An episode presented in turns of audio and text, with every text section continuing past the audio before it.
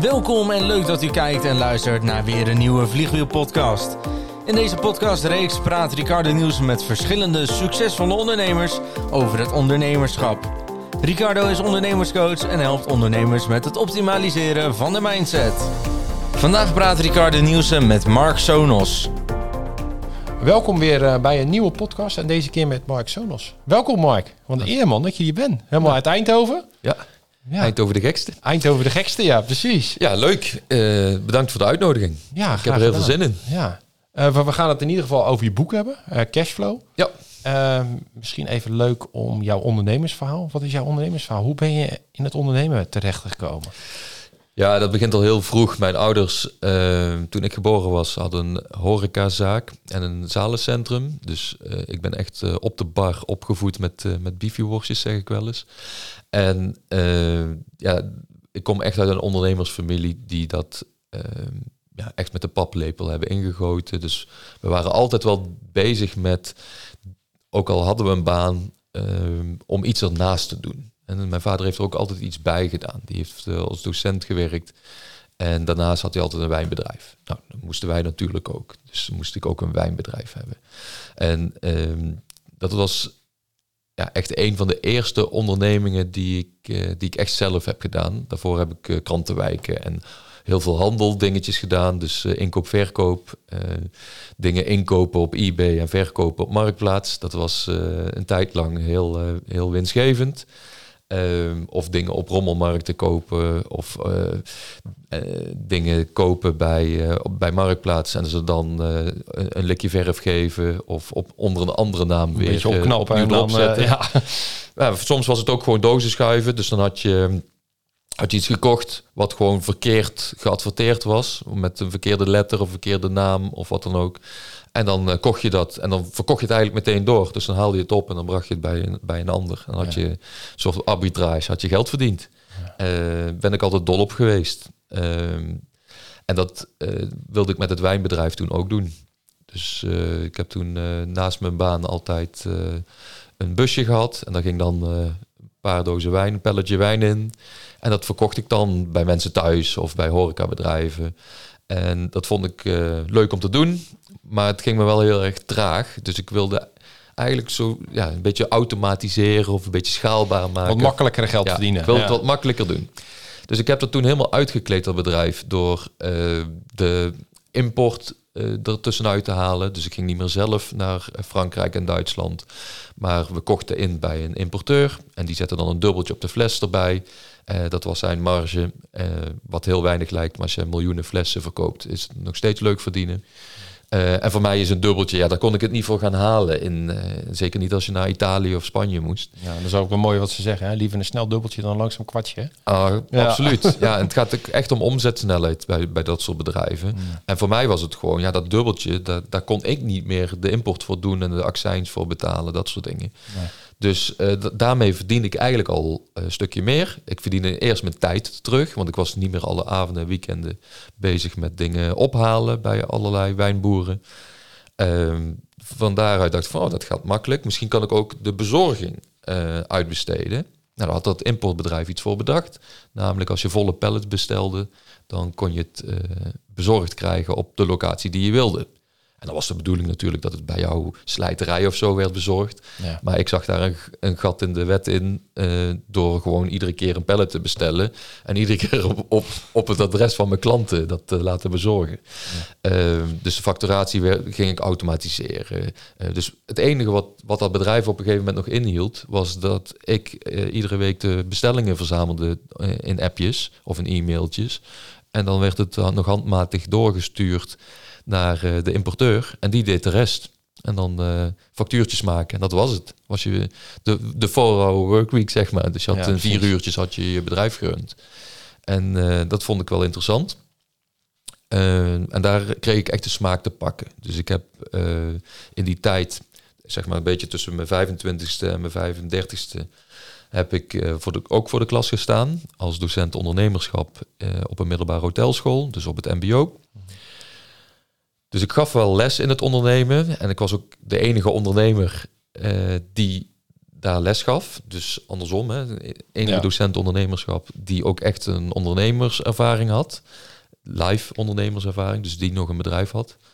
En dat werd, begon steeds meer te wringen. Dus docenten van eh, collega's vonden het wat minder fijn dat ik eh, ook nog een eigen bedrijf had. Dat was een soort van belangenverstrengeling. Ik snap niet welk belang. Ehm, en mijn leidinggevende vond, het, vond eigenlijk dat als ik een fulltime baan had, dat ik ook eh, fulltime beschikbaar moest zijn. En eh, dat was ik gewoon. Maar het was een beetje het idee dat ik, Dat je er niet 100% Ja, dat ik- was. dat ik Nee. er met mijn kopie niet bij was. Of dat ik te veel met, met mijn bedrijf bezig was tijdens het werk of zo. Het, eh, wat natuurlijk ook wel een beetje zo was. Maar wat Ja. ik op dat moment niet, niet fair vond. Ehm, en toen ben ik steeds minder eh, voor de klas gaan staan. Dus ik ben steeds meer eh, gaan kijken, oké, hoe kan ik dat ondernemerschap dan groter maken? Ik wist al dat ik geen groot wijnbedrijf wilde hebben, dus daar ging ik niet in zoeken. Maar ik wist dat ik, ehm, ik kreeg altijd de opmerking in het onderwijs dat ik een coach was en geen docent. Dus Oh, ik, dat- werkte heel erg veel één op één met mijn leerlingen. Mhm. Eh, dus ik vond het veel leuker om de leerlingen aan het werk te zetten en ze dan om beurten even persoonlijke aandacht te geven, dan eh, dat ik een uur voor die klas stond te oreren. Ja. Ehm, nou praat ik graag, maar liefst één op één eh, met mensen. Ja. En dat, dat was wel iets wat, ja, waar een lampje aanging. Ja. Want ik, volgens mij was het twee onderwijsmanagers en twee collega's die heel kort na elkaar zeiden van ja, maar je bent ook eigenlijk geen docent, je bent meer een coach. Ja. Nou ja, ik vind het wel een heel mooi stukje wat je zegt. Want als je natuurlijk één op één, dan kan je natuurlijk veel meer inzoomen op die persoon. Waar Ja. loop je nou eigenlijk echt persoonlijk tegenaan? Ja. En eh, ja, dat zie je natuurlijk ook heel veel gebeuren. Op school eigenlijk zie je zo'n leraar ervoor staan en die vertelt een algemeen verhaal. En heel vaak is steeds dat persoonlijk, eh, ja, wordt dat niet altijd geraakt. Dus Nee, klopt. En dat was ook mijn grootste eh, compliment dat ik kreeg van leerlingen. Dat, die zeiden vaak na, na zeg maar één eh, eh, trimester, zeiden ze tegen mij van, eh, ik, ja, eh, ze spraken daar altijd met de achternaam, dus meneer Zoons. Eh, meneer Zoons, ik heb in dit eh, kwartaal heb ik meer geleerd dan in de vier jaar daarvoor. En waarom was dat nou? Omdat eh, ieder mens leert anders. En als je iemand persoonlijke aandacht geeft, dan kun je context creëren. En dat is ook wat ik eh, bij de volwassenen uiteindelijk eh, als coach ben gaan doen. Dus heel veel mensen eh, consumeren content. Hè, Dus eh, luisteren naar deze podcast, of ze gaan naar een training, of ze lezen een boek. Maar een boek is geschreven voor de groep, voor de massa. ja, een training is geschreven op de massa, want ja, je moet iedereen aanspreken. ja, Maar context bepaalt of jij het begrijpt, of je het kunt vertalen naar je eigen eh, situatie, of je er concreet gedrag van kunt maken en of je het gaat doen. Dus ik vond juist dat stukje van, van eh, onderwijs geven, dat vond ik mijn hoekje. Daar, daar dacht ik eh, het verschil te kunnen maken. Dat heb ik in de klas gedaan. Nou, ik vind wel heel mooi dit stukje wat je nu zegt. Dat, want je zit echt in zo'n bubbel zelf. Ja. En dan, ja, dan, dan lees je wel iets of je luistert een podcast. Of, maar het komt niet binnen. nee, Het, het komt niet binnen dat je er echt wat mee gaat doen. Dat Nee. je vanuit die perceptie gaat denken. Nee. En dat zie je dus heel vaak gebeuren. Wat jij dus ook zegt. Dat, ja. Ja. dat het dit dus zo heel gebeurt. Dat, eh, ja, Ja, inspiratie Heel zonder implementatie. Hè? Dus Ja, mensen precies, ja, dat, ja. vinden het super tof om iets te lezen of om op, op een training te komen. Maar, maar vervolgens ja, is het maandag en dan zitten ze op een kantoortje en dan denken ze, oh ja, shit.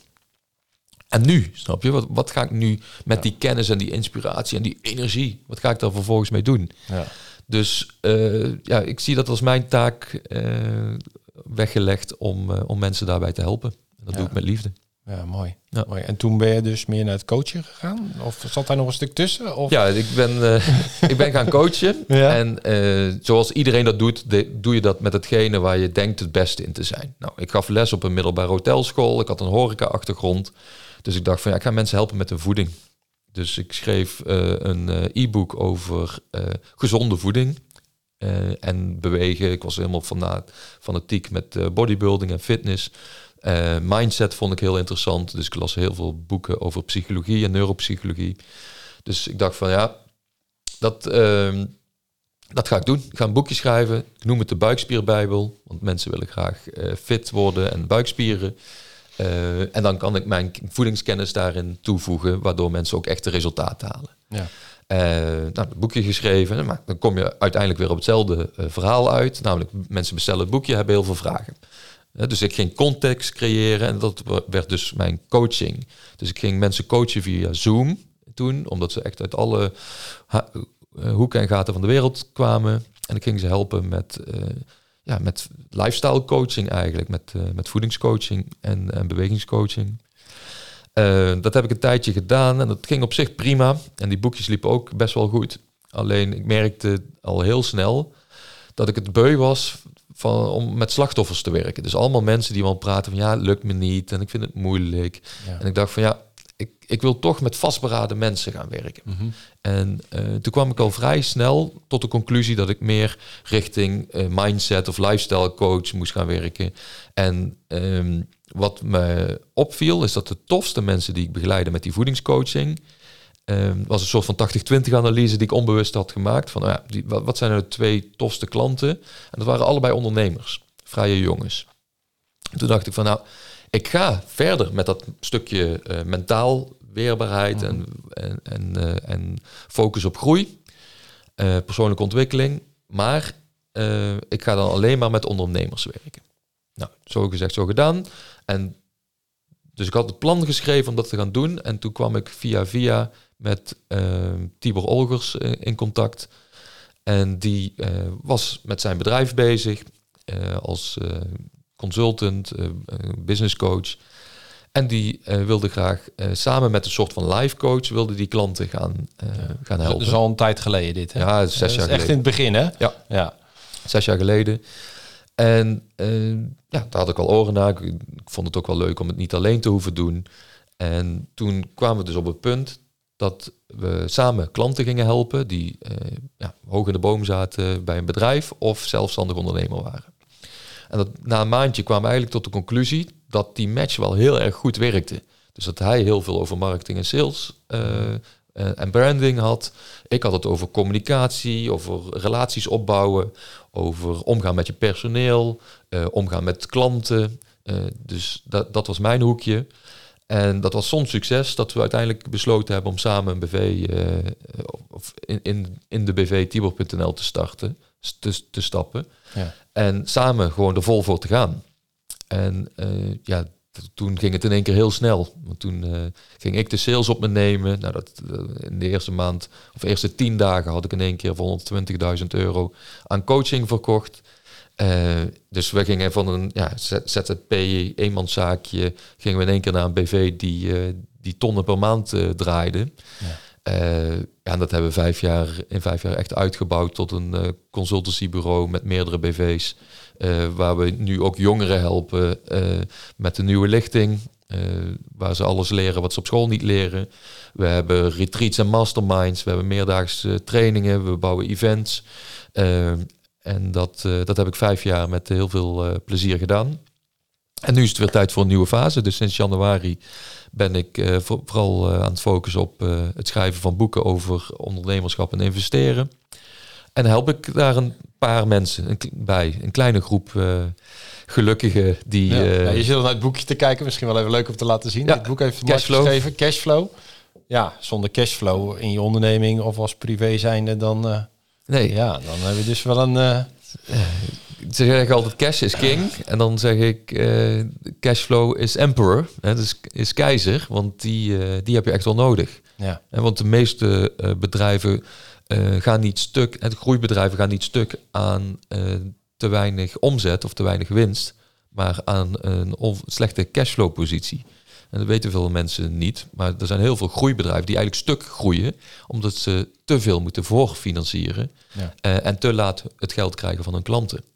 Eh, en dan, ja, dan ga je dus stuk. Het is het bloed van je bedrijf, hè? Ja. Cashflow. Dus Nou, ja. Daarom. En ehm, ja, als je wilt stoppen met je bedrijf of je wilt stoppen met je baan, eh, wat heb je dan nodig om te kunnen blijven leven, om op vakantie te kunnen blijven gaan, om je hypotheek te kunnen blijven betalen? Cashflow. En want je kunt een hele grote zak met geld hebben. En eh, je kunt echt in- volgens de volksmond rijk zijn. Maar dat betekent nog niet dat jij eh, stopt met werken of stopt met je onderneming. Eh, maar als jij iedere maand een vast bedrag aan cashflow krijgt, dat vind ik altijd zo'n mooi systeem. Als jij iedere maand 10.000 euro cashflow krijgt uit jouw vermogen van, weet ik veel, eh 10 miljoen. Ehm, dan voel je je heel rijk en dan ga je andere beslissingen nemen. Dus dan Ja. ga jij stoppen met werk of je gaat werk doen wat je leuker vindt of je gaat wat meer reizen of wat meer aandacht voor aan je gezin besteden. Maar als jij gewoon 10 miljoen op je, in je holding hebt zitten of op je bankrekening hebt staan, dan voel jij je niet rijk. Dan ga je geen andere beslissingen nemen. Eh, dus je moet eerst iets met dat geld doen, dat geld aan het werk zetten. En dat geld moet dan rendement structureel opleveren. Voordat jij jezelf echt rijk gaat voelen. Ik, ik heb mensen gesproken in het afgelopen half jaar. En dat heeft echt mijn ogen geopend. Die tientallen miljoenen hebben. Dus die hebben een bedrijf verkocht voor 40 plus miljoen. Meerdere mensen mee gesproken. En die voelen zich helemaal niet rijk. Ze, sterker, ze voelen zich armer dan toen ze wel het bedrijf hadden. Waarom? Omdat ze een cashflow-verlies hebben. Dat bedrijf spuugde iedere maand een salaris uit voor hun. Of iedere maand winst uit.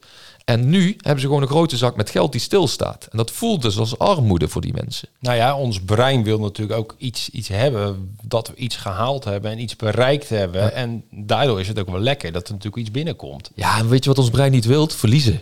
Nee. Ons brein wil niet verliezen. Nee, dus het maakt ja. niet uit of je nou een ton hebt of, of 100 miljoen. Je wilt niet iedere maand eh 10.000 euro van dat geld afpakken, Nee. zodat het minder wordt. Nee, en Want het is best wel interessant, want Ja. als het, al is het bedrag nog zo groot, dan denken we, dan zien we het nog als verliezen. Ja, dat klopt. Want ik heb dus een klant die eh, heeft echt 6, 7 miljoen. En ik heb hem uitgerekend, want hij zit in de 40, dat als, al zou hij nooit meer werken en hij geeft iedere maand 10.000 euro uit, wat hij nu niet uitgeeft. Dus dan mag hij twee keer zoveel uitgeven als hij nu doet. En dan heeft hij dus 10.000 euro. Nou, reken maar uit, dat is 120.000 euro per jaar. Als jij 7 miljoen hebt, hoeveel jaar je dan eh, kunt eh, ja, brassen eigenlijk Ja. voordat het geld op is. Nou, dat gaat hij in zijn leven niet meer voor elkaar krijgen. Nee. En zijn kinderen, denk ik, dat die ook nog hun best moeten doen. Ja. Dus voor hem was het zo'n eye-opener dat hij eh, dus in principe niet eens rendement hoefde te halen. Hij moet alleen voorkomen dat, dat het niet te snel minder wordt. Nee, niet verrokken. Nee, principe. dus als hij gewoon een tonnetje per jaar uitgeeft en dat ja, met zijn levensstijl ja, komt hij daar niet aan, ehm, ja, dan kan hoeft hij eigenlijk helemaal niet te investeren. Nee. Hij moet alleen maar in zichzelf investeren. Ja. Maar best wel interessant hoe we dan kunnen denken vanuit een bubbel. Dat, we- dat, we, dat we dan het idee hebben van oeh, eh, Ja, omdat het oerbrein wil alleen maar overleven. En die is dus bang dat, dat hij alles kwijtraakt wat hij heeft. Ja, het is En- een stukje schaarste ook, hè? Wat, wat, Ja. wat er heel erg met dat geld te maken heeft. Hè? Ja. Dat vind ik ook wel een leuk stukje om, om daar misschien dadelijk wat, wat meer op in te gaan. Ja. Dat, we, dat we bang zijn als we het ergens neerzetten dat we het kwijtraken. Ja. Eh, bang zijn, ja, als we er niks mee doen, dan raken we het ook kwijt. Want ja, de inflatie is nu, ja, ik weet niet hoe hoog die nu is, maar ik geloof ja, 10% laatste- of 12% laatste keer zat hij of zo. 13% of zo. Ja, Dus, dus het is, is achterlijk natuurlijk. Ja. Dus en, ja, dat we dan geen keuzes maken en eh, of juist wel keuzes maken. En eh, ja, dat we daaruit handelen. En iedereen heeft natuurlijk zijn eigen manier hoe hij dat invult. ja, en dat heeft ook te maken met welke dingen heb je gewoon meegenomen onderweg. Dus ik, ik begin altijd als mensen klant bij mij worden met hun geldregels in kaart brengen. Dus ik ga meteen een brein plukken om te kijken wat geloof jij nou over geld. Dus iemand vermogen zegt mij helemaal niks over wat hij gelooft over geld. Want iemand kan bijvoorbeeld, ehm, we hebben nooit genoeg geld, of er is, er is altijd schaarste, kan een geldregel zijn van iemand die miljoenen op zijn rekening heeft staan. Ja, dat kan juist een mooie winnende motief zijn om erachteraan, om, om het binnen te halen. Ja. die, die blijft maar doorgaan. Ja. En dan zie je dus ook voorbeelden van mensen die 4 miljoen hebben, eh 5000 euro per maand uitgeven. Nou, dan kun je dus echt tot 140 worden en dan eh, heb je het nog niet op. Ehm, maar die blijven maar werken omdat ze bang zijn dat het minder wordt. Hè? Want er is nooit genoeg. En dat is dus eh, heel belangrijk voor, voor mij om eh, in kaart te brengen. Want ik wil.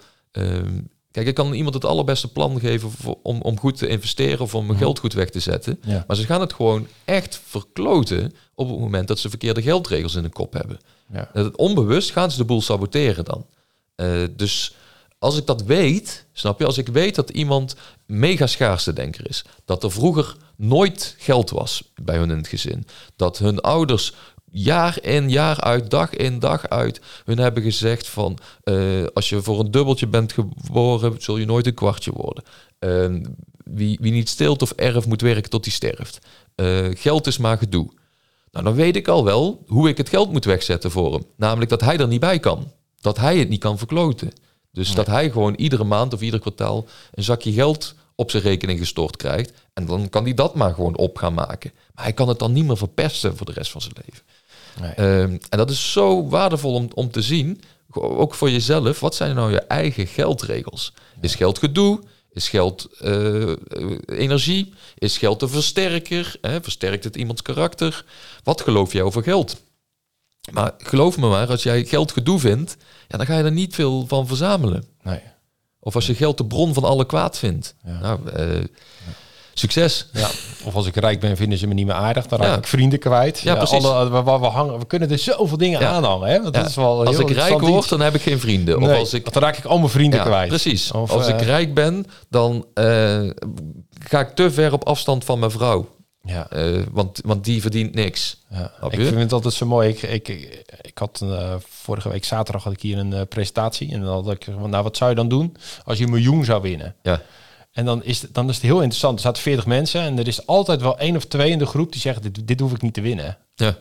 En dan, ja, waarom niet? Hè? Dan raak ik dit kwijt of er gebeurt dit of er Ja. gebeurt dat. En Ja. ook wat, wat ze dan met dat miljoen gaan doen. Dat iedereen zo op zijn eigen manier daar dus een invulling in geeft. Eén Ja. gaat onroerend goed doen, de ander gaat gelijk een mooie auto kopen. Precies. Dat, En wat zou jij doen met een miljoen? Nou, hetzelfde nog wat ik nou doe. Ja. Ja, ik zou, ik zou alleen mijn potjes anders verdelen. Ja. Dus, ja, dat is mijn antwoord ook altijd. ja. Dus, eh, en dat heeft dus te maken met draagkracht. Hè? Dus als ik had laatst een mooi eh, gesprek met iemand die vroeg aan mij: wat zou je doen met een miljoen? En toen vroeg ik aan hem: wat zou je doen met 10 miljoen? Dat is een heel andere vraag Mhm. voor, voor heel veel mensen. ja. Eh, want met een miljoen zouden ze denken van ja, ik los mijn huis af. Met 10 miljoen zouden ze nooit meer werken, bijvoorbeeld. Ja. Hè? Ja. Dat, dat, daar kun je echt heel mooi aan zien. Mhm. Wat is nou een eh, onderbuikpijn, zeg maar. Eh, en hij vroeg dezelfde vraag dus terug aan mij. En maar wat zei zou jij nou doen met 10 miljoen? Ik zeg hetzelfde als met 1, 5, 10, 50, 100 en 200 miljoen. Namelijk gewoon wegzetten in dezelfde potjes zoals ik het nou doe. Eh, en dan heb ik gewoon meer cashflow. Ja. En dan ga ik dat lekker opbrassen. Ja. En dat, dat, dat maak ik ook echt op dan. Hè? Ja. Dat vind ik leuk. Want dat, want ik vind het verhaal van ehm, ja, je levensstijl niet aanpassen, ja, is prachtig in de opbouwfase. Snap je? Als jij nog niet op het punt bent qua cashflow waar je zou willen zijn. Dus niet zoals Warren Buffett in zo'n oud huis blijven wonen. eh, een heel oud autootje Nee, blijven wonen en dan een paar miljard hebben. Ja, en dat, dat, kijk, Warren Buffett doet dat omdat hij, eh, hij houdt gewoon van es- essentialisme. Hè? Dus Ja. hij koopt alleen de dingen die hij echt nodig vindt. Dus hij vindt zijn auto prima, gaat hij geen duurdere auto kopen. Hij vindt zijn huis groot genoeg en, en eh, hij heeft er een fijn gevoel bij. Dus gaat geen mansion kopen, zoals mijn kinderen dat zouden Ja. zeggen. Eh, maar hij heeft wel, en dat, dat, dat lees je vaak niet in de krant, hij heeft wel gewoon een privéjet van, eh, weet ik veel, eh, 100 miljoen Oh, ja, dat, dat, dat wist ik dan weer Nee. net niet. Want hij moet natuurlijk door Amerika Ja, heen vliegen. En daar, eh, Dus hij heeft, hij heeft echt wel dure spullen. Hij geeft ook echt wel zijn geld uit. Maar dat is de, de company jet. Ja. En ze hebben gewoon een privéjet daarvoor. Ja. Eh, dus eh, het is ook een beetje image natuurlijk. Maar eh, hij vindt het spel gewoon heel erg leuk. Plus zijn businessmodel is dat zijn geld in bedrijven zit. Dus al zijn geld zit in bedrijven. Het is niet dat er standaard cashflow uitgespuugd wordt. Hij wil juist meer aandeel hebben in plaats van dat hij bezig is met ehm, wat ga ik met dat geld doen. Ja. Dat, dat vindt hij helemaal niet interessant. Hij heeft gewoon het leven dat hij wil leven. Eh, maar voor heel veel mensen is dat anders. Die hebben een bepaald ambitieniveau in de kwaliteit van leven die ze willen leven. Ehm, en ik vind dat je daar op korte termijn best wel iets voor mag laten, niet te veel. Hè. Dus ik ben niet van eh, de, de FIRE eh, community die ja, heel zo vroeg mogelijk met pensioen willen gaan. Ehm, wat een prachtige club mensen is. Ik, ik, heb, ik heb een aantal mensen in mijn omgeving die daar eh, die, die al FIRE zijn, zeg Ja, maar. kan je daar wat over uitleggen? Want ik, ik weet wel wat je bedoelt, maar Ja. voor mensen Nou, die het niet weten. FIRE staat voor Financial Independent Retire Early. Dus eh, financieel afhankelijk en vroeg met pensioen gaan. Dus dat zijn mensen die bijvoorbeeld voor een dertigste met pensioen willen gaan. En eh, daar, om daar te komen vaak heel zuinig aandoen. En al dat geld eh, investeren. Dus Ja, moet je en alles opzij zetten. Hè? Het gaat meestal ten- ook heel vaak van, ten koste van de gezondheid. Hè? Tenminste, Nou, dat, dat, dat, aan de- dat, ligt aan het hoekje, Ja. snap je? Dus je hebt mensen die alleen maar eh, spaghetti met, eh, met eh, ketchup eten. Ja. Hè? Dus zoals mijn broertje dat vroeger deed toen hij voor zijn auto's aan het sparen was. Ehm, en dat heb je in die, in die fire community heb je ook een hoekje van mensen die dat doen. Ja. Nou, is dat natuurlijk een extreem voorbeeld. En net zo goed als in ieder hoekje kun je een extreem voorbeeld vinden. En de fire community heeft gewoon als doel eh, je kosten zo laag mogelijk houden, zodat je zo vroeg mogelijk financieel onafhankelijk bent. Dat is eigenlijk het streven. Dat is het macro-principe. Dus het is heel simpel. Als ik maar 750 euro vaste lasten heb, dan ben ik eerder financieel onafhankelijk. Want zo gauw als mijn cashflow per maand 750 euro is, dus ik heb twee pandjes gekocht die ik verhuur, Ja. nou, dan ben ik financieel onafhankelijk, want het bekostigt mijn levensstijl van 750 euro per maand. Ja. Nou, dat is eh, een manier om daarnaar te kijken. Wat ik dan... Ik ben altijd voor de fase daarna. Dus het is leuk als mensen dat graag willen bereiken. Ik noem dat meer, meer financieel relaxed. Hè? Dat je hypotheek is betaald Ja. en dat je je boodschappen kunt doen zonder dat je een baan nodig hebt of een, of een bedrijf. Ehm, daarna wil ik naar financieel onafhankelijk gaan. Dus je kunt al je maandlasten gewoon betalen eh, van je cashflow uit je investeringen. Ja, dus je kan er gewoon van leven. Je kunt, er gewoon, je kunt gewoon het normale leven zoals je het allerliefste zou leiden. Ja. Met een eh, Netflix abonnementje en een dingetje Ja. en een vakantie en een auto eh, die wel gewoon eh, re- relatief nieuw is. En, eh, dus, dus alle dingen die je eigenlijk wel zou willen. Mhm. En dan ben je financieel on- onafhankelijk. De volgende fase is financieel vrij. Dat betekent dat je eigenlijk eh, je droomleven eh, kunt leven. Dus de dingen, wow, als ik dat toch zou kunnen doen, dan ben je financieel vrij als dat uit je investeringen komt. En dan heb je ook nog zoiets als financiële overvloed. Eh, dat is de, de ultieme cashflow positie. Namelijk dat er eigenlijk meer binnenkomt per maand uit, uit je investeringen aan cashflow ja, dan je zelf kunt verzinnen. Dus als jij denkt van, wow, en ik ga een helikopter en ik koop een eiland en ik doe dit. Hè. Misschien, sommige mensen hebben die dromen. Oh, en ik wil twee Rolls Royces voor de deur. En dat eh, dan jouw financieel adviseur zegt, goed, en wat wil je met die andere ton per maand doen? Ja. Snap je? Dat, Ja, dat precies. idee. En dat En is eh, financiële overvloed. Ja. Ehm, nou, ik vind het al tof als mensen naar financieel onafhankelijk kunnen gaan. Dus eh, financieel relaxed is de eerste fase. En daarna wil je gewoon dat al je maandlasten gewoon betaald worden, no, no matter what. Dus of je nou op vakantie bent of niet, of je gaat een jaar. De graadmeter is als jij een jaar lang doet wat jij wilt, zon, en je haalt het werk weg, maar je doet een jaar lang wat je graag zou willen doen, wordt het dan betaald uit je investeringen. Ja. Nou, als het antwoord ja is, dan ben je financieel onafhankelijk. Ja. Dan ben je namelijk onafhankelijk van een baan. Maar voor, even, eh, want we, zitten nu uit een bubbel te praten dat dat, eh, nou, dat het makkelijk mogelijk is. Ja. Om daarmee te beginnen. Ja. Want dat is natuurlijk altijd het verhaal natuurlijk. Ja. Hoe kan je daarmee starten? Ja, dan moet je eerst de basis eh, geldregels op orde hebben. Dus eh, ik, ik, ik heb in het boek drie geldregels omschreven. Eh, regel 1 is, maak geen schulden. Dus je moet er echt heel kritisch zijn naar welke dingen heb ik allemaal eh, uitstaan die simpelweg schulden zijn. Dus heb ik een hypotheek? Heb ik eh, een lening? Heb ik een studieschuld? Heb ik eh, een creditcard? Heb ik eh, geld uitstaan bij mijn ouders? Ehm, betaal ik dingen in termijnen die, die ik ook gewoon in één keer had kunnen kopen? Nou, als je dat lijstje bij elkaar hebt en je hebt dat allemaal afgelost, eh, op je hypotheek misschien na. Sommige mensen spelen daar een beetje mee vals natuurlijk, net als ik. Ik, ik kan mijn huis niet goedkoper huren dan eh, waar ik het nu voor betaal. Dus eh, mijn huurder is de bank. Zo zie ik dat. Ja, ja. Dus ik eh, zie dat niet als een schuld. Nou, dat, want maar dat zijn goede schulden in principe. Nou, het is geen schuld, want mijn pand is meer waard dan, dan dat ik oh, aan lening heb staan. interessant hoe jij het zegt. Ik zeg dan, je hebt goede schulden en je hebt slechte schulden. Ja, het- alle schulden zijn slecht, zolang er geen onderpand onder zit. Oh, ja, nou, ja, Ja. Dat, ja, dat is mooi. Dus ja. eh, als jij ehm, geld leent om, hè, dus je leent 5 ton om een pand van 1 miljoen te kopen, heb jij een schuld, maar eh, heb, je vijf, heb je een miljoen onderpand. Dus heb je in principe, als je het liquideert, heb je vermogen. Een nul. Ja, dat is hartstikke prima. Ja, Ehm, dat is anders dan wat ik bijvoorbeeld bij de snelle crypto boys bijvoorbeeld op dit moment zie gebeuren. Ehm, en, en nou worden ze allemaal geliquideerd. Maar Ja. dat ze gaan met leverage, dus ze gaan geld lenen om eh cryptomunten te kopen. Nou, als die cryptomunten halveren in waarde, dan heb je dus en een slechte schuld en je hebt een schuld. Ja, want als je het liquideert, heb je ook Mhm. nog, kom je ook nog min uit. Dus je hebt een schuld in een schuld. ja. Ja, super dom. Ja, nou, nou ja, daar hebben we al, al die onrust nu van op die markt Precies. natuurlijk. Dus ja. daarom zeg ik altijd, maak geen schulden. En je kunt het altijd wel een beetje voor je recht lullen natuurlijk. Ja. Maar in principe, eh, hè, want er zeggen ook mensen, ja, maar ik heb een studieschuld, maar daar betaal ik maar 0,5% eh op. En eh, dat geld van die studieschuld heb ik gebruikt voor mijn onderneming of heb ik gebruikt om mijn hypotheek mee af te lossen. Mhm. Nou, prima, dan, dan heb je er in ieder geval over nagedacht. Maar dat is regel 1.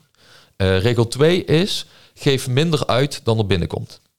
Dus als jij eh, eh, 1000 euro eh, krijgt als salaris, nou, heb je een simpele opdracht. Met, de- met deze vinden heel veel mensen heel erg moeilijk. Ja. Ja. Eh, Die, ja, ik, ik heb ook Ja. nog wel eens mensen bij mij aan tafel zitten en die zeggen ik heb vermogen. En dan vervolgens zie ik dat ze iedere maand eh 700 euro meer uitgeven dan dat er binnenkomt. Ja. Ja, eh, voor mij is het dan heel simpel. Je moet of meer verdienen of minder uitgeven. Ja. Eh, dus eh, daar gaan we dan naar kijken. En dat is dus eh, regel 2. En zolang je daar niet aan voldoet, ja, dan ga je dus geen vermogen opbouwen. Je kunt dan wel vermogen hebben, maar je gaat het niet opbouwen. Het wordt niet meer. Ehm, en vaak denken mensen, ja, ik heb, ik heb vermogen, dus ik doe cashflow eroverheen en dan ben ik vermogen aan het opbouwen. Ja, theoretisch gezien wel. Maar, maar het hele idee van cashflow is dat je het kunt benutten. Ja, tuurlijk, En dat er vervolgens komt. iets overblijft en dat je dat weer terug kunt storten. Ja, dat komt. Je- want dan bouw je een systeem dat eh, groeit. Heel veel mensen bouwen systemen waar ze krimp ervaren. Dus ze hebben een, een, een eerste cashflow systeem is namelijk inkomsten en uitgaven. Nou, als dat dan niet groeit, ja, Ja. hoe ga je dan in hemelsnaam dadelijk succesvol investeren? Want Ja, dat is kan niet. ook ja, maar een cashflow dan ga je systeem nooit. Dat hou je nooit lang vol. Nee, nee, want je bent gaten aan het vullen. Ja. Dus je bent het ene systeem klopt dan niet. En je probeert dat gat dan te vullen met een cashflow systeem uit je investeringen. Dus in plaats van dat je iets aan het bouwen bent, ben je gewoon gaten aan het vullen. Ja, Dus daar is geen sprake van groei. nee. Dus daarom is die regel 2 zo belangrijk. Regel 2 is dus geef minder uit dan er binnenkomt. Dat lijkt heel simpel, maar voor sommigen is dat heel lastig. Ja. Wat ik wel wil meegeven is, als je dan kijkt, hé, hey, er gaat meer uit. Mhm. Tuurlijk kun je kijken aan de kostenkant. Van, hey, eh, kan ik iets schrappen? Maar wat ik veel makkelijker vind, en dat is een van mijn quotes, is: het is veel makkelijker om 200 euro te verdienen dan ho- 100 euro te besparen voor, voor de meeste mensen. Dus het is veel malen makkelijker om iets van 100 euro te kopen en dat voor 110 euro te verkopen. En dat doe je dan 20 keer in de maand. Heb je 200 euro extra verdiend. Dan dat jij gaat kijken in jouw, eh, als je al redelijk zuinig leeft, van kan ik hier nog de 100 euro aan abonnementen uitschrappen of 100 euro aan overbodige kosten. Ja. Hè? Je kunt geen 100 euro aan boodschappen besparen, hoop ik. nee, op een gegeven moment houdt ja, het op met snijden. Ja. Dus het snijden houdt op een gegeven moment op. Ja. Plus je wilt ook een minimale kwaliteit van leven. En we zijn een beetje verwend. Dus dat, en dat vind ik ook oké. Dus ik, ik ben niet de persoon die zegt stel je leven uit. Ik wil dat je nu een tof leven hebt. En dat je ondertussen werkt aan een nog toffer leven. Nou, ik vind het heel erg gaaf natuurlijk. Ik zit natuurlijk heel veel met ondernemers. Dat eh, ze gewoon dingen hebben die goud zijn die ze niet zien. Ja. Dat als je, eh, als je nou eens meer dat gaat doen. eh, ja, daar heb ik eigenlijk nog nooit over nagedacht. Ja, maar ook mensen in loondienst kunnen gewoon meer verdienen. Een van de makkelijkste manieren is om salarisverhoging te vragen. Of om eh, secundaire arbeidsvoorwaarden goed onder de loep te nemen. Ja, maar je, je ziet wel heel vaak dat die schaarste er dan in komt van... oh, maar dan raak ik misschien mijn baan kwijt. Of, en dat, ja, Ja. dat zie je wel vaak gebeuren. Maar het, het is gewoon vragen. Dus eh, Ja. het is gewoon een, een gesloten vraag. Ja of nee krijg je. En als er nee is, ga je verder zoeken naar iets anders. Eh, dus niet een andere baan, maar gewoon een andere manier om meer geld te verdienen. Een van de meeste makkelijke manieren om, om extra geld te verdienen... is gewoon naar je baas toe gaan en zeggen ik wil meer geld verdienen. Als je in, loondienst werkt. Ja. Of gewoon kijken van... hey, welke voordelen geeft mijn baas mij die ik niet benut? Bijvoorbeeld reiskostenvergoeding. Kan ik dat eh, op een bepaalde manier wegzetten... zodat ik in december het van de belasting af kan trekken? Ja. Nou, dat, daar zijn heel veel eh, manieren voor. Ehm, ehm, je hebt een soort van personeelsgebonden budget, zo'n vrije ruimte. Nou, bijna niemand benut die volledig. Nee. Eh, dus je hebt altijd wel maniertjes om meer geld te halen uit wat je hebt. En dat is één manier. En een andere manier is gewoon, doe iets erbij. Ik heb het heel mijn leven gedaan. Ik heb altijd een bedrijfje erbij gehad. Of ik handelde wat erbij. Ehm, en dat kan zo makkelijk zijn als iets van 1000 euro inkopen en het met 10% winst verkopen. Dan heb je 100 euro extra. Dat is vrij makkelijk. Ja. Mensen doen daar heel ingewikkeld over. Ja. Maar je kunt gewoon iets wat 1000 euro waard is, kun jij ergens anders verkoop op de marktplaats zetten voor 1100 euro. Omdat het toevallig ja, eh, op een betere manier Mhm, wordt, ge- zeker een betere foto. Ja, En je, en je hebt al 100 euro verdiend. ja. Ehm, of leer een skill, leer daytraden of leer eh, handelen. eh, leer gewoon iets. Ehm, dus dan heb je dus meer inkomen. Dan geef je dus minder uit dan er binnenkomt. Ja, dan kun je regel 3 toepassen, namelijk investeer het verschil. Dat is eh, eigenlijk de drie eh, Ja, regels van geld. Gaan, ja. En zo gauw als je dat doet, nou, dan kan het heel hard gaan. Ja, ja zeker weten. Nou, je, je ziet ook dat, dat, dat, dat soms we in zo'n bubbel zitten dat we het niet doen, dat we in een bepaald patroon, een bepaald gedrag, perceptie blijven denken, eh, dat we geen keuzes maken daarin. Nee, En klopt. dat is, dat, is, is heel interessant. Nou, als je bijvoorbeeld een stukje onroerend goed alleen al pakt, dat sommige mensen, ja, weet je wel, een, ja, ik ga geen huis kopen of ik ga geen bedrijfspand kopen. Ik had eh, vor- vorige week ook nog een ondernemer hier zo. Ja, ik zeg, eh, als je nou dat pand koopt en je gaat verhuren naar jezelf, ik zeg, dan stop je elke, elke maand dit en dit kan je dan aflossen. Zo, dus ik heb twintig jaar heb ik dat en dat zitten doen. Ik zeg, ja, twintig jaar heb je dus, je had het pand al vrij kunnen hebben. Ja. Je had de huur al in je zak kunnen steken, hè? maar je hebt het niet gedaan. Nee. Nee, we En heel vaak- kansen zien, hè? Dat is ja, ook wel kans- lastig. Ja maar, ja, maar het ligt ook aan, wel aan de mensen om je heen ook. Ja, en daarom is de omgeving ook zo belangrijk. Hè? Dus eh, de, de wijze waarop je kansen gaat zien, is als je praat met mensen die kansen zien. zo simpel is het. Ja, En eh, het is een beetje als met eh, energie. Dus als jij op de bank zit en je hebt geen zin om te sporten, heb je geen energie. Maar als je dan toch gaat sporten, dan is het niet zo dat je daarna minder energie hebt. Dan heb je meer energie. ja. Dat is raar, snap je? Maar die omgeving is een energieke omgeving. Dus die zorgt ervoor dat je zelf ook weer dingen genereert. Dus dat je Zeker. ook weer energie aanmaakt. ja. En dat is dus ook met kansen of met ondernemerschap of met groei of met investeren. Als jij je omringt met de juiste mensen die het alleen maar over investeren kunnen hebben of, of alleen maar over ehm, eh, ondernemerschap kunnen hebben of die altijd kansen zien, ja, dan ga jij ze ook zien. Want zo werkt het nou eenmaal. Ja. Eh, want het zit allemaal al lang in jou, alleen het moet even door je omgeving aangewakkerd worden. Ja. En dat vind ik altijd zo, zo interessant. Nou, het mooie is, je brein is eigenlijk heel erg lui. ja, Dus je, je, brein, je, je brein heeft gewoon geen zin om sommige dingen te doen. Wil ook niet in andere situaties eigenlijk. Want stel je voor, het is eng en er, er komt ineens gevaar van iets wat je niet Ja. verwacht. En als je natuurlijk met die mensen bent, ja, dan weet je op een gegeven ogenblik niet anders meer. Nee. Dus je, je wordt echt letterlijk, ja, het is eigenlijk een besmetting. Je wordt besmet eigenlijk door die mensen. Ja, in positieve zin. Dus ja, alleen maar leuk. zin. Ja, zeker weten. Ja, en dat vind ik dus leuk. Dus als jij meer wilt weten over vastgoed, ik krijg heel vaak de vraag van: hey Mark, ehm, hoe kom ik nou meer te weten over vastgoed? Nou, het antwoord is heel simpel, namelijk ga je omringen met vastgoedjongens.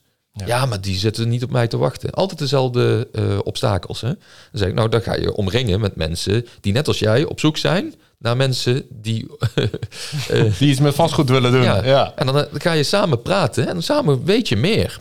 Dus je, gaat, je zou al samen een deal kunnen doen, bijvoorbeeld. En dan heb je het risico gedeeld over vijf, zes man of tien man. En dan koop je gewoon één pand aan met tien man. Ja. En dan heb je in plaats van een ton erin gestoken, heb je er 10.000 in gestoken. Ja. Lager risico, maar wel dezelfde ervaring. Ja. Dus je leert dan van eh, met een relatief klein risico. Hè, je rendement is natuurlijk ook eh, naar verhouding. Alleen, ehm, ja, ik, ik ben daar altijd wel dol op. Hè, klein oefenen. Dus dat je wel de hele ervaring hebt. Dus je hebt de hele ervaring van dat pand aankopen, van bij de notaris zitten, van financiering regelen, van verbouwen, van verhuren, al, verkopen. Al die ervaringen heb je. ja. Maar eh, alle pijn is gedeeld door 10. Alle plezier qua Ook. rendement Ja. ook. Maar de lesstof hè, is gewoon hetzelfde. Ja. Dus hoe cool is het om bijvoorbeeld eh, in de cryptomarkt iets te leren... en gewoon iedere, iedere maand daar een paar tientjes in te gooien. ja. Snap je? Heel veel mensen zeggen altijd... ja, ik vind het spannend om te investeren. Oké, maar vind je het spannend om 10 euro eh, te investeren? Nee, Nee, dat vind ik niet spannend. Ja, waarom doe je het dan niet? Ja, maar dat kan toch niet? Ja, dat- zeker kan dat wel. Ja. Ja, maar betaal je toch veel kosten? Ja, maar je leert heel veel. Snap je? Dus je leert van 10 euro bitcoin kopen net zoveel als van een ton bitcoin kopen. Hè? Dus eh, je voelt alleen iets minder pijn als het 50% ja, als het fout gaat dan. eh, ja. Vooral nu natuurlijk. Dat is natuurlijk wel even eh, wat gebeurt. Ja, Ja. Maar, maar weet je, je hebt dus niet de pijn, maar je hebt wel de leren. Ja. Nou, hoe geweldig is dat? En ik heb liever dat mensen in- één jaar of twee jaar oh, en een crypto bijvoorbeeld vier jaar gewoon aan het leren zijn. Als jij vier jaar lang crypto hebt geleerd met een paar tientjes per maand, hè, je hebt die risico's minimaal, maar je hebt alle ervaring gehad, want je gaat je erin verdiepen. Je, je snapt in één keer veel beter hoe zo'n cyclus werkt. Je snapt dat eh, de social media allemaal maar hype als het positief het is. allemaal en al- gek worden gemaakt Veel te en, eh, negatief is als, ja. het, als het slecht gaat. Ja, en dan heb je nog die mensen die, die instappen op de hoogste momenten als Snap omhoog je? gaat. Terwijl als je juist naar beneden gaat, moet instappen, want dan is er wat te verdienen. Ja, maar die macro-principes, die snap je pas als je er gewoon in zit. Dus je kunt aan de zijlijn, eh, kun jij niet scoren. Nee. Hè? Een mooie quote van Cruijff. Hè? De- Nou, maar dat is ook zo. Als je niet op het veld staat, Aan de dan, ja, kun je niet scoren. Nee.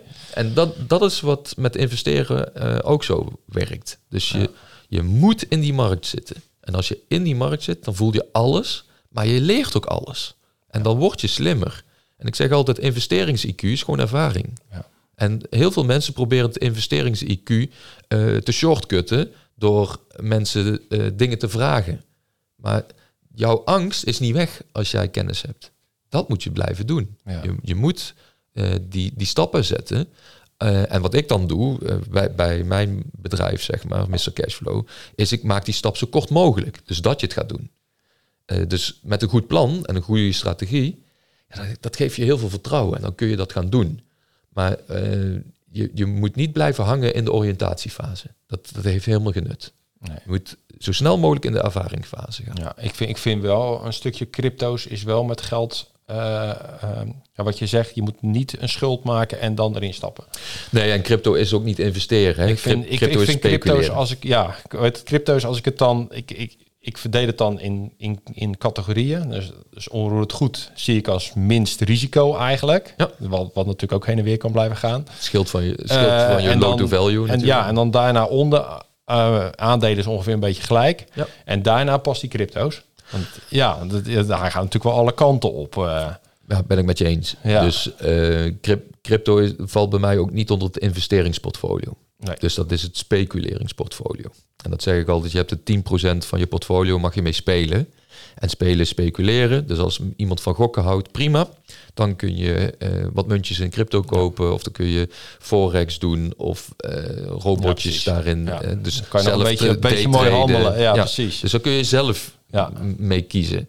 Dus mijn, mijn klanten zeg ik altijd van nou, als je een beetje adrenaline junkie bent, dan pak je 10% en dan ga je daar zelf mee spelen. Ja. Maar dat is dan ook spelen, speculeren. Als jij denkt dat crypto naar de maan gaat, hartstikke mooi. Ja. Dan doe je dat, maar wel maar met 10% van je vermogen. En die andere 90 gaan we gewoon heel slim eh, wegzetten, zodat je over vier jaar sowieso nog geld hebt. En dat je niet helemaal weggevaagd bent, omdat je all-in bent gegaan eh, in, eh, In crypto's. crypto of Ja. eh, alleen maar ETF's had gekocht en daar 100% in Ja. geloofde. Dus ik vind wel, uh, zo gauw als je geld hebt, moet je spreiden. Eh, maar zo gauw als je een beginner bent, zeg ik altijd, spreiden is voor sukkels. Eh, dus zorg dat je één ding Ja. heel goed snapt, dan hoef je niet te spreiden. Dus een ondernemer die van iedere euro die hij in zijn bedrijf stopt 10 euro kan maken, ja, die ga ik niet vertellen eh, dat hij zijn geld in crypto of forex of in een andere bedrijf moet gaan stoppen. Hè, dus in aandelen. Maar jij, heb jij niet dan zoiets van als je lekker draait dat je toch iets apart legt? nee, je moet al het geld er wel uithalen. Ja. Maar ehm, als iemand iedere euro die erin gaat, als dat een machientje 10 euro oplevert, ja, dan blijf je erin stoppen natuurlijk. Ja, Ga, ga vooral niet dan daar minder in stoppen. Blijf dat gewoon lekker doen. En met het geld wat je daarmee verdiend hebt, ga je een nieuw cashflow systeem eh, opzetten. Ja. Wat ook weer structureel geld uitspuugt. Maar je gaat daar niet aan sleutelen. Heel veel Nee. mensen willen daar dan mee stoppen. En zeggen van, nou, dan ga ik hier iets Dan nieuws bouwen. wel even pakken. Wat hier eh 10% rendement op jaarbasis oplevert. Terwijl dat 1000 rendement eh, op jaarbasis oplevert. ja. Dus ik, ja, ik zeg altijd, slacht nooit eh, de kip met de gouden eieren. Ehm, Nee. je wilt dat als iets gouden eieren uitspuugt, wil je behouden. Eh, dus als, je, als jij een bedrijf hebt wat goede cashflow uitspuugt, ja, moet je kijken hoe, hoe zit ik met mijn tijd? Hè? Kan ik die tijd eruit trekken? Hè? Maar de euro's ga je, ga je wel herbesteden, maar je gaat niet eh, ervoor zorgen dat je dat bedrijf dan verkoopt, bijvoorbeeld Nee, omdat je je dan eh, bezig wilt houden met andere dingen. Ik, Ja. ik wil dan dat eh, iemand in dat bedrijf gaat en dat jij vervolgens je tijd vrij hebt en dat je leuke dingen kunt doen. Ja. Of dat jij het bedrijf zo leuk vindt dat je daar de je volle Ja. focus op kunt, kunt leggen, zodat je dat machientje maximaal kunt uitnutten. En dat we dat geld wat, wat jij er onderaan de streep overhoudt, dat we dat wegzetten op plekken die gewoon lekker doorrenderen. En die hoeven dan niet veel op te leveren, want jouw capaciteit om geld te verdienen is zo gigantisch dat het eigenlijk alleen maar behoud is en niet eh, eh, cashflow genereren. Nee. Ja, het is wel lekker als je natuurlijk wat meer... eh, ja, wat je bedrijf kan altijd een keertje, kan altijd iets gebeuren. Ja, klopt. En Dus- daarom wil je natuurlijk vermogen hebben buiten je bedrijf. En wil je ook dat het vermogen, maandelijks bedrag of, of per kwartaal of per jaar, gewoon een vast bedrag Dat er iets binnenkomt. uitspuugt. Ja, Zodat je in ieder geval van dat bedrag kunt leven. ja. Eh, maar de meeste ondernemers eh, benutten dat bedrag dan nog niet. Blijven dan gewoon compounden. Om, eh, die blijven herinvesteren. Omdat ze gewoon zichzelf salaris uitkeren met hun Ja. bedrijf. Nou ja, er zijn er gewoon ook natuurlijk wel een hoop bedrijven en ondernemingen die er dus dat niet hebben gedaan, dat er niks overblijft onderaan Ja. de streep, dat het fout gaat. Ja, dat klopt. ik- dat was de frustratie waardoor ik dit boek heb geschreven. Ja, toen de eerste lockdown kwam, ja, je, je weet het, eh, in de tijd eh, hebben we toen die digitale doorbraken gedaan, eh, omdat we fysiek niet samen mochten zijn. nee. Ja, ik heb zoveel calls moeten doen om die digitale doorbraken te vullen. Waarom? Omdat de helft van de mensen die ik sprak, die kon gewoon de rekeningen niet meer betalen na drie maanden. En daar schrok ik zo enorm van, dat ik dacht van, ja, maar wat voor ondernemers zijn dat dan? Hè, hoe, hoe, hoe gaan zij dan met hun geld om? Ja. Wat ik, waar ik dus achter kwam, toen ik meerdere mensen dat ge- ging bevragen, is dat bijna iedere ondernemer, echt eh, ruim meer dan de helft, die laat al zijn winst in het bedrijf staan. Dat noemen ze herinvesteren. Ja. Maar herinvesteren doe je niet in het bedrijf, doe je ergens anders. Dat is herinvesteren. Anders ben je gewoon het terug aan het stoppen. Eh, en de meeste bedrijven, ehm, er zijn natuurlijk bepaalde productbedrijven die moeten groeien door kapitaalinjectie. Nee. Maar de meeste dienstbedrijven of eh, bedrijven die eh, gewoon inkoop-verkoop doen, ja, die hebben gewoon dat geld helemaal niet nodig in een bedrijf. Ehm, dus die moeten dat zo snel mogelijk uit dat bedrijf halen. Ja. En daar eh, slimmere dingen mee doen. Want eh, als dat bedrijf omvalt, heb je niks meer. En dan heb je, ik, ik ken mensen die twintig jaar gewerkt hebben. En nou in twee jaar lockdown is heel het bedrijf weggevaagd. Ja. Nou, dat, is- dat is zo schrijnend. En dat soort mensen wil ik helpen, onder andere, eh, door ja, ze beter financieel inzicht eh, Ja. te geven. Ja, ah, dit vind ik een heel mooi stukje. Ja. ja. Ja, en je, ja, je ziet het gewoon heel veel, dat heel veel ondernemers dat doen. Ja. Ja, mijn vader zei altijd, je, jongen, je moet voor je vijftigste moet je zorgen dat je binnen bent. Ja. Dat je het in ieder geval rustiger aan kan doen. Ja. Dat je niet meer zo hard in je bedrijf hoeft te werken, maar dat je, als je wil, dat je er gewoon uit kan stappen. Dat je gewoon kan stoppen. Ja. En dat vond ik eigenlijk een hele mooie les toen. Heel goed En ik, en ik zie, ja, ik zie dat, ja, wat, wat jij zegt. Van, het, maar het is ook, voor heel veel is het ook, er komt natuurlijk heel veel bij kijken. Als je in de aandelen wil of in het onroerend goed. eh, er komt heel veel huiswerk bij kijken. Ja. En dat, en dat is natuurlijk voor een hoop mensen dat ze denken van, ja, hé, hey, maar waar moet ik beginnen? Precies. En dat is ook waarom ik ehm, doe wat ik doe. Want ik laat dus mensen zien dat het eigenlijk heel simpel kan. Het hoeft niet altijd. eh, mensen denken bij investeren altijd aan het hoogste level. Dus eh, ze denken altijd aan de Champions League van investeren. Dus als iemand het heeft over vastgoed, dan denken ze altijd dat ze zelf iets moeten aankopen, dat ze zelf een team moeten bouwen, dat ze zelf eh, dat, dat eh, hele traject moeten doen, dat ze zelf de klusjes moeten doen als er een kraan lekt, dat soort dingen. Dus wat, en dat is heel vaak gewoon een, een mensen denken altijd aan het, het, ja, het, professionele niveau, zeg ik altijd. Van het zelf, en, en dan vervolgens lokken ze dat in als, ja, dat moet ik allemaal zelf doen. Ja. Terwijl dat is level 2.0, zeg ik altijd tegen mijn klanten. Level 2.0 is dat je alles zelf eh, gaat doen of zelf een team gaat bouwen. En dan ga je het uitbesteden. Mhm. Maar in ieder geval, het is jouw business onderhand. Hè?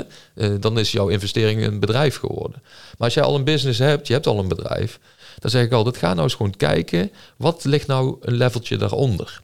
Ja, dan kan, kun je bijvoorbeeld in plaats van dat je in vastgoed in, investeert, kun je in REIT's, REITs, kun je investeren. Dat zijn gewoon ehm, vastgoed eh, die, waar je ehm, rendement kunt halen op de beurs. Ja. Dus je koopt eigenlijk gewoon een, een mandje aandelen van vastgoedbedrijven en zij delen de winst met jou in de vorm van dividend.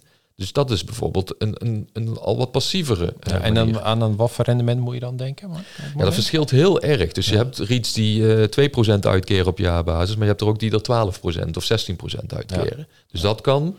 Een ander ding wat kan, is dat iemand anders die een professionele eh, vastgoedontwikkelaar of vastgoedinvesteerder is, ja, die mensen, wat hebben die mensen vaak nodig? Geld. Als jij jouw geld aan hem geeft of haar geeft en zij doen daar projecten mee, dan krijg je ook goed re- rendement. En ben je geen risicodrager, omdat het vastgoed is het onderpand. Dus jij eh, kunt in principe niet ja, heel je inleg kwijtraken. Je kunt wel een gedeelte kwijtraken, vanzelfsprekend. Ja, Maar eh, je bent dus wel risicodrager. Alleen, eh, voor ja, het geld wat je ingelegd hebt. ja, Meestal, hè? precies. Ja. Maar eh, het grote voordeel daarvan is, is, je hoeft er geen tijd aan te steken. Dus jij hoeft het pand niet aan te kopen, je hoeft het niet te verbouwen, je hoeft niet, jij bent geen aanspreekpunt. Jij krijgt gewoon je rendement. Ja. Hè, dat noemen ze crowdlending. Dus je kunt op een crowdfunding platform kun jij gewoon jouw geld investeren in crowdfunding projecten in de vastgoed zien. Dus je kunt daar ja, variërend van wat voor project je kiest tussen de, de 4 en de, de- wel 20, soms wel 20 procent op eh, jaarbasis krijgen. Ja. Ja, hartstikke interessant voor mensen die zelf er nog geen tijd eh, voor hebben ja. of geen verstand van hebben. Dus dat kan. En dan heb je ook nog level 0.0 en dat zijn de professionals die een fonds hebben gemaakt. Ehm, bijvoorbeeld een vastgoedfonds. En jij krijgt een vaste rente en je krijgt winstdeling. Nou, dan heb je eh, dat fonds staat, zorgt dan dat jouw geld vijf jaar of tien jaar vaststaat. En daar gaan zij mee, eh, mee beleggen in vastgoed. Zij gaan eh, alles doen. En jij krijgt gewoon een update op jaarbasis van... oké, ik heb, we hebben dit rendement behaald met je geld. dus je krijgt zoveel extra rendement nog bovenop de 4 of 6 of 7 procent die je al had. Ja. Ehm, zeker voor mensen die echt niks snappen van investeren... of nog keihard in het, wer- aan het werk zijn in een business... super handig. En ik, ik, wat ik vaak dus zie, is waar het op misgaat, is dat mensen geen tijd ervoor hebben, geen verstand ervan hebben, Mhm. maar wel op level 2.0 aan het acteren zijn in het investeren. Dus Oké. kopen cryptomuntjes. Terwijl ja, dat is, dat is gewoon, je wordt gewoon weggevaagd door alle professionals. Eh, die, die snappen dat jij in paniek raakt als dat 10% of 20% daalt. Ja. Ehm, Ja, dat is ook wel een hele interessante bubbel. Hè? Want Ja. als, het omhoog gaat, zie je iedereen als een gek open. En als het naar beneden toe gaat, zie je ze ineens allemaal paniekerig. eh, zie je ze allemaal, allemaal Klopt. ineens... Ja, we gaan... eh, verkopen ze maar, want het is over. Ja, maar dat zie je in het klein. Hè? Dus eh, crypto is natuurlijk een jonge, volatiele markt. Dus daar zie je het uitvergroot allemaal. Hè? Het is echt een cowboy scene. Maar je ziet het eh, bij de aandelenmarkt, wat ook op emotie is, zie je Ja. het in mindere mate nog steeds gebeuren. Hè? Dus Ja. de dalingen zijn geen 90%, Nee. maar ze zijn wel 10% of 20%. Ja, maar, maar bij de aandelen heb je nog wel eens dat het dan stilgelegd wordt. ja, Dus er en dat is met crypto gebeurt dat ook nog wel. Ja, dat, maar, lijkt, tenminste, dat lijkt me wel handig dat Ja. dat gaat gebeuren. Dat, daar zijn ze nou ook wel mee bezig. Dat, in ieder geval de exchange, die stoppen dan. En Ja. dan kun je dus gewoon niet verhandelen. Wat, eh, wat dan de Even daling een eh, beetje pakken. drukt. Ja. Ehm, maar dat, dat, is, ja, dat is hoe dat werkt. Alleen wat ik interessant vind, is als jij de ballenverstand hebt van eh, ondernemerschap, noem maar wat. Hè. Je zit, werkt in loondienst en je gaat dan eh, aandelen Tesla kopen. Maar je hebt helemaal je huiswerk niet gedaan. Je weet helemaal niet hoe dat werkt. Er zijn dus mensen die, die dat doen. En best veel mensen. Omdat ze ergens in een krantje hebben gelezen, Tesla gaat het helemaal maken. En dan ben je hetzelfde aan het doen als wanneer je in crypto speculeert. En, want je bent in de Champions League ben je bezig, terwijl jij eh, zelf eh, ja, der- dertiende klas eh, amateurs voetbalt eh, op zondag. Dus wat ik jou gun, is als je toch wilt investeren, is dat je dus zo laag mogelijk qua, qua niveau aan het investeren bent. Dus begin nou eens gewoon de eerste vijf jaar je geld in een fonds te zetten. Dus een aandelen, aandelen hebben ze gewoon fondsen voor. Je hebt ook hedge funds die eh, aandelen en, en, en valutahandel met goud en zilver eh, tegen elkaar eh, opwegen. Ja. Zodat ze eigenlijk, hoe de markt ook loopt, altijd ja, in ieder geval rond, rond het evenaar, zeg ik altijd. Dus, dus als ze verlies draaien, is het maar een half procentje in, in de maand. En als ze winst draaien, dan is het 3, 4, 5 procent in de maand. Ja. Dat, dat zijn eh, fondsen die heel goed zijn in jouw vermogen te behouden. En eh, je vaak ook nog meer vermogen te laten eh, opbouwen. Ja. Ehm, en die kunnen dat veel beter dan jij. Dus ik, denk al, ik zeg altijd tegen mijn klanten: denk jij nou werkelijk dat iemand die 24-7 bezig is op die markt, dat jij daarvan kunt winnen met twee uurtjes per maand? Dat geloof je toch werkelijk niet. Dus beter kun je een fee betalen aan die mensen. En dat zij met jouw geld aan de slag gaan. Want dat is hun brood, snap je? Zij verdienen hun geld met jouw winstgevend maken. Ehm, dat kun je veel beter doen. En dan kun je onderweg kun je bijleren. En dan kun je misschien dingetjes zelf gaan doen. Ja. Want het, uiteindelijk, als je er goed in bent, zijn de rendementen natuurlijk beter als je het zelf doet. Ja. Maar dan moet je er wel eerst goed in zijn. En de meeste, echt ruim, ja, de meerderheid, 86% tot 92% afhankelijk van de asset class, is gewoon verliesgevend, omdat, omdat ze het zelf doen. Ja, maar het is ook meer gokken wat ze doen. Ja, maar, Omdat ze maar ook weten. vastgoed, hè? Want eh, jij, jij had het net over vastgoed, dat het Ja. safe is. Ik ken genoeg mensen die beginner zijn, die eh 90% loan-to-value hebben gedaan. Dus ze hebben 90% geld geleend voor een pand. Ja, die gaan op dit moment, Ja. eh, lopen die gewoon helemaal leeg. Ja, want je, je, je, je hele je onroerend goed portefeuille wordt natuurlijk zoveel minder waard. Ja, maar alles was gebaseerd op waardestijging. Ja. Helemaal niet op cashflow. nee, dat bedoel ik. Dus, dus je, eh, ze, ze hebben 1200 euro maandelijkse lasten. En de, en, en de huur is inclusief gas, water en licht 1200 euro. Dan ga je compleet nat nu, hoor. ja. Ja, en wat je nu krijgt Dus natuurlijk, je, je aandelenportefeuille. Dus we, we, ik denk dat er wel iets naar, de- dat iets naar beneden gaat. Ja. Dus wat gaat de bank doen? Die gaat, het is niet meer gedekt natuurlijk. Dus Ja. de bank gaat ook zeggen van, hé, hey, luister eens even. Kan je wat bijstorten? Want we gaan er niet uitkomen. Want zo'n cyclus hebben we al een keertje gehad. Ik weet niet Ja, wanneer het was. 2008, 2008 2008, hè? 2014, ja, hè? Ja, en, Ja. en ik ben ook best wel kwaad geworden hè, op, op, op bepaalde eh, trainingen. Dat, dat, dat die hefboom-effect zo erg vergroot werd. Dat ik denk van ja jongens, hey, dit, dit kan niet. Dit is een hoog risicoprofiel. Ja. En dan werd het heel mooi voorgeschoteld. Ja, natuurlijk. Het, het, kan allemaal. Hè. Het is allemaal mogelijk als het allemaal goed gaat. Maar in dit natuurlijk stukje, nou, natuurlijk nog een stukje regelgeving wat er gaat veranderen natuurlijk, wat Ja. eraan gaat komen. Ja. Eh, ik weet niet of het er al helemaal doorheen is trouwens, maar het- ze proberen het. Maar eh, tot Ja. 2024 eh, zitten we nog even, zitten nog even zitten goed. we nog oké. Ja, Maar Hugo de Jonge is wel volop bezig om die regelgeving er doorheen te duwen. ja.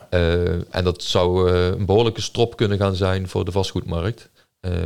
Voor zover die nu al niet eh, op slot is. Nee. Ehm, maar ehm, ja, dus je ziet gewoon dat mensen. Ja, je ziet heel veel beweging. Dus Ja. als je dan eh, ja, heel veel geleend hebt, ja. Ja, maar kijk, ik, ik vind ehm, risicovolle scenario's presenteren als coach of trainer of ad- adviseur vind ik helemaal niet zo erg. Zolang je maar de risico's benoemt. Mhm. Dus ik geef ook wel eens risicovolle projecten door aan mijn klanten. En dan zeg ik erbij, dit hoort bij je risicopotje. Dus dit is gewoon je 20% Ja. waar je risico mee zou willen Mhm. nemen. Of 10% of wat dan ook. Ja. Ehm, zorg ook dat dat potje niet groter wordt dan dat percentage. Dit zijn de risico's, namelijk je kunt je hele inleg in een dag kwijtraken. Want de reële risico's zijn dit en de reële risico's zijn dat. Ja. Ehm, dus die dingen moet je wel heel helder eh, meegeven. En ik, dat ontbrak er gewoon de laatste twee jaar aan. Eh, zeker als ik kijk naar eh vastgoedtrainers, vastgoedcursussen. Dat ik dacht van ja, zonder eigen geld kun je een pand aankopen. Ja, dat is prima in een groeimarkt. Maar die groei is er nou wel, een, die rek is er wel een beetje uit nu. Ja. Dus om dat dan nog steeds te blijven roepen, vind ik best wel spannend. Ja. En ook niet ver naar de beginners die jou vertrouwen geven Ja. eh, en denken dat je het beste met ze voor hebt. Ja. ja, en de verhalen zijn natuurlijk mooi als je in een stijgende markt van 20% zit. Ja, maar een dalende Ja. markt van 20% is toch wel heel Ja, dan je een uitdaging. Ja, en ik hoop en ik denk ook niet dat we echt 20% gaan dalen. eh, in vastgoedland. Maar dat er even een correctie komt, nou, Ja. ik denk van wel hoor. Ja, nou, je ziet ook nog een keer met de stijgende rente, rente natuurlijk. Ja. Dus en, daar gebeurt natuurlijk ook wat. Ja, kijk, die, eh, die stijgende rente verwacht ik dat dat maar eh, vrij tijdelijk zal zijn. Want dat is alleen om de inflatie te drukken. Nou, zo als die inflatie weer een beetje richting de 4% gaat, dan eh, gaan ze die rente ook weer stapsgewijs verlagen. Ja. Ehm, en dan krijg je natuurlijk weer dat de inflatie stijgt, krijg je weer dat, Ja. dat, er, dat alle aandelen en crypto eh, een high krijgt. Dus ik ben heel benieuwd wat de komende Ja. tijd gaat brengen. Ehm, maar Nou ja, dat, kijk, aan dat de ene kant is het-. Aan de ene kant is passief inkomen, maar het is toch wel iets dat je er wel mee bezig moet zijn. Ja, passief inkomen bestaat niet. Dat Nee. is echt gewoon een eh, illusie. Ehm, ieder inkomen en iedere cashflow, eh, daar zit een activiteit bij. Dus je moet dingen monitoren, je moet dingen in de gaten houden, je moet een stukje kennis hebben. Ehm, kun je het passief maken? Ja, je kunt het relatief passief maken als je in fondsen gaat zitten. Of als je eh, dingen uitbesteedt. Dus, eh, Zo'n crowdlending, dat, dat helpt natuurlijk wel. Ja, Ehm, maar dan moet je het nog steeds monitoren. Moet je nog steeds ja je kijken van ja, gaat het nog wel goed met dat bedrijf? Wat, eh, wat zijn de jaarcijfers? Eh, is, er nieuws over dat bedrijf? Dat, dat, dat wil je gewoon wel blijven weten, Mhm. blijven monitoren. Ja. Dus ik, eh, ik zie heel veel mensen bijvoorbeeld nu in de cryptowereld die eh, echt eh, struisvogel aan het spelen zijn. Dus ze kijken niet meer naar een portfolio of ze kijken niet meer naar het nieuws. Ja, ik snap het. Het doet pijn als je 90% Ja, dat van, je, ik, ja. van je vermogen kwijt bent Ja. geraakt. Alleen, eh één, het is maar tijdelijk. En twee, ja, je moet wel even kunnen schakelen. Dus eh, je moet ook eh, weten van ja, kan ik, gaat dit naar nul? Dus eh, sommige projecten zijn gewoon opgegeven ja, en- en staan nu wel nog op 10 cent bijvoorbeeld. Ja, dat gaat straks gewoon naar nul. Ja, als jij daar nog eh, geld in hebt staan, trek het eruit. En, en zet het ergens anders neer waar, waar in ieder geval wel vertrouwen in is. Ja. Dus eh eh, struisvogelspelers hè, met je kop in het zand is nooit een goede strategie. Nee. Dus, eh, dus m- ja, passief inkomen bestaat daar dus niet in. Nee. Altijd monitoren. De wereld is continu in beweging. En zeker nu in investeringslandschap moet je gewoon continu alert zijn. Dus de, de, de winnaars van gisteren, net zoals FTX, zijn de losers Ja, ongelooflijk. Ja. Daar zat bij mij ook een eh, flink zakje geld. En staat gewoon vast. Ja. En je weet niet of je het ooit nog gaat krijgen. Nee. Maar ik, ik, ik, ik geloof ook wel een stukje dat, dat niet alles goed kan gaan. Nee. Dus je moet wel een stukje... Ik, ik, ik heb ook een Homburg toen geïnvesteerd. En dat Ja. ging ook... Nou, ik weet niet of je het kent. Ja, ja. Nou, leuk. Je kreeg 7,5% of Ja. 8% geloof ik dat het nog was. Nou, en die fonds duwde je. Allemaal goed. En het zag er allemaal mooi uit. Ja. Nou, dan bleek het toch een, een beetje een opgeblazen iets te zijn eh, achteraf. Ja, en dat kan altijd. Hè. Dus eh, dat, dat zie je heel vaak. Hè. Dus in goede tijden investeren in, in, in fondsen of in, eh, in munten of in bedrijven. Ja, dat, dat is niet zo je moeilijk. blijft het houden. Dus, Ja. ik, dus ik geloof... Maar in slechte tijden kan alles omvallen. Ja, En dus er is no such thing as too big to fail. Dus Nee. er- het bestaat gewoon niet dat, dat jij denkt van ah, die is zo groot, die gaat niet omvallen. nee. Ook BlackRock, ook eh, Rabobank, ook eh, Apple kan gewoon allemaal omvallen. Ja. Als je maar de juiste, juiste duw geeft, dan kan alles omvallen. Ja. Nou ja, daarom vind, je- vind ik het zelf wel belangrijk om het te spreiden. Ja. Want dan, ja, dan blijf je toch nog... eh, Ja, omdat we niet alles weten. Hè? Dus dat is wat, ook wat ik bedoel met spreiden is voor sukkels. Ja, eh, het, het is helemaal niet verkeerd om een sukkel te zijn, als je het maar van jezelf weet.